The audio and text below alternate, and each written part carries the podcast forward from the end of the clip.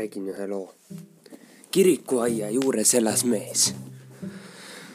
see on teaduse algus spirititest ja goblinitest äh?, vaimudest ja päkapikkudest või mida Shakespeare'i parim laps Mamilius rääkis oma emale, kuningannale ja õuedaamidele. kuningas tuli koos valvurite ja kiirustas teda vanglasse saatma.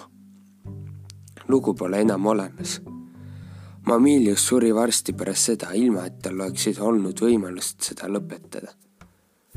mida edasi pärandada, mis siis olema pidi? Shakespeare teadis kahtlemata ja julgen öelda, et tean, ütleb autor. see on nüüd uus lugu, see pidi olema lugu, mida olete tõenäoliselt kuulnud isegi rääkinud, kõik võivad seda teada.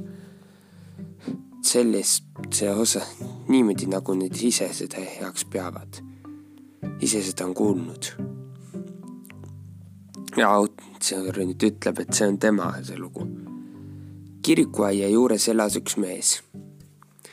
tema majas oli madalam, maja oli madalam, altpoolt kivist ja ülemine osa puidust. esiklassidest paistis tänavale tagumised kirikuaeda. esimesed osad. see oli kunagi kuulnud koguduse preestrile, kuid kuna kunagi kuninganna Elizabethi päevil oli preester abiellus mees ja tahtis rohkem ruumi. pealegi meeldinud tema naisele öösel kiri, kirikuaeda omane magamistoa aknast näha. ta ütles, et nägi, näeb, aga pole selle vastu midagi. ta ütles. igatahes ei andnud ta oma mehele rahu, kuni too oli nõus küla tänavat, küla tänavale suuremasse majja kolima ja vana vana maja võttis Lestneid, John Paul ja elas seal üksi ta oli eakas mees, keskmees siis, kes hoidis endas väga palju. inimesed ütlesid, et tal on midagi armet. see oli väga tõene, ta oli haiglane kui muul viisil.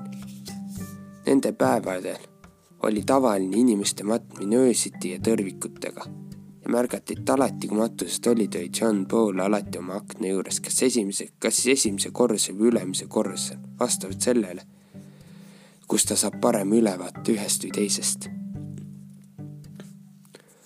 saabus öö, kui vana naise pidi maha matma. ta oli just, sai just hästi hakkama, kuid talle meeldis selles kohas. tema kohta öeldi tavaliselt, et ta ei olnud kristlane sellistel öödel nagu jaaniõhtu ja kõik ja muud pühistatud ei olnud ta seda oma majadest leidnud. ta oli punaste silmadega kohutava pilguga ning ükski kerjus ei koputanud tema ukse taha. kuid jät-, kuid minnes jättis ta siiski kirikule raha, raha. tema matmise ööl ei olnud tormi see oli aus ja rahu, hea ja rahulik, kuid kandjate ja meeste tõrvikute kandmisel oli mõningaid raskusi, hoolimata sellest naine oli jätnud tavapärasest suuremat, suurema tasu selliste tööde eest. ta maeti villasesse ilma kirstuta ja see polnud kedagi peale nendegi, keda tegelikult vaja oli. ja John Paul, kes vaatas teda aknast. vahetult enne haua täitmist kummardas kirikuõpetaja alla ja viskas midagi keha külge midagi, mis kõlksis ja ütles madala hääle sõnu, mis kõlasid nagu sinu raha hukkub koos sinuga. siis kõndis ta kiiresti minema. samamoodi ka teised mehed jättes ainult ühe tõrviku kandis Sextoni ja tema poisi süütamiseks, kui nad ta maa sisse kühveldasid. Nad ei teinud selle päeva väga korralikku teed, tööd ja järgmisel päeval, mis oli pühapäev, olid kirikus käinud Sextoni suhtes üsna teravad, öeldes, et see oli õues korrastamata aud ja tõ- ja tõepoolest, kui ta ise seda vaatama tuli, arvas ta, et see on hullem, kui ta oli sellest lahkunud. vahepeal käis John Bull uudishimuklikult õhus, pooleldi rõõmsad nagu oled, üks pooleldi rõõmus ja pooleldi närvis. rohkem kui üks kord veetis ta kõrtsis õhtu, mis oli tavaline, see harjumuste vastane ja puhas ja vihjas neile, kes temaga seal juttu ajasid, et ta on natuke raha saanud ja otsib natuke parem maja. noh, ma ei imesta, ütles Sepp ühel õhtul. ma ei peaks seda oma kohta hoolima. noh, ma peaksin terve õhtu asju välja mõtlema. üüri on läinud ja küsis talt, millist asju. noh, võib-olla keegi ronib kambri akna juurde või muud sellist, ütles Sepp. ma ei tea. vanaema Pilkings kes maeti täna nädal tagasi, jah. tulge, ma arvan, et võiksite kaaluda inimese tundeid, ütles maja peremees.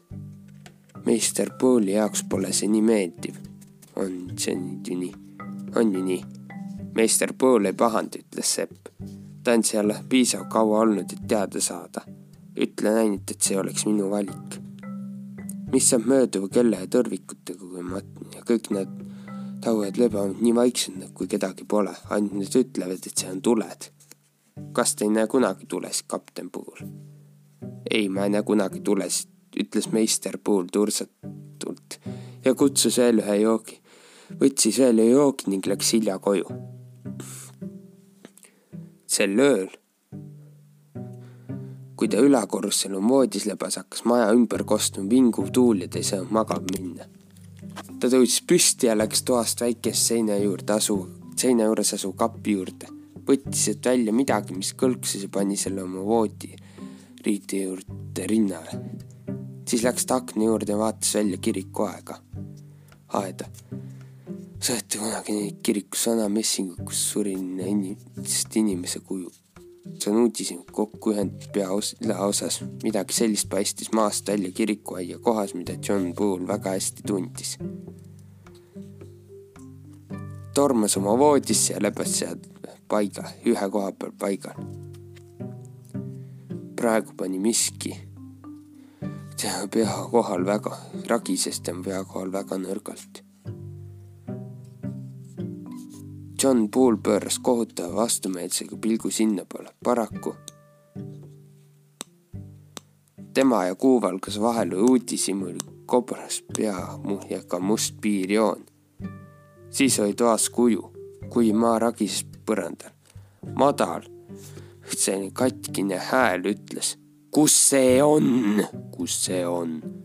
ja sammud läksid siia ja sinna, kõndid ja kõndides samme kuulda juba ja sa-, raskeid kõndivaid samme. seda võis ikka näha ja jälle piilumas nurkades, kummardus toolide alla vaatama, lõpuks sai kuulda, kuidas seinas oleva kapi juurde, juurde koperdas neid lahti tõmbas. tühjade riiulite kriimustati pikki naelu. kuju liikus üritates ringi ja seisis hetkeks voodi ääres, tõstis käed üles ja karjus käedelt. Sina tegid seda. siinkohal heitis HRR, HRH, mis see on? John Pauli mingi värk. prints Mamilius minu arvates loo palju, sellest palju lühemaks teinud. kõva karjumisega kõige nooremate kohal olnud õuga prouadele. siis vastasid sama läbilõikava nutuga. temast võttis kohe kinni HM kuninganna Hermione, kes surus alla naerukalduvust, raputas ja lõi teda väga rõngalt. paljustki puretuna ja pigem nutvama kalduvana oli ta kohe voodisse saatav kui tema nüüdseks sokis toibunud ohvri eest palvel lubati tal lõpuks jääda kuni tavapärase pensionimineku tunnini.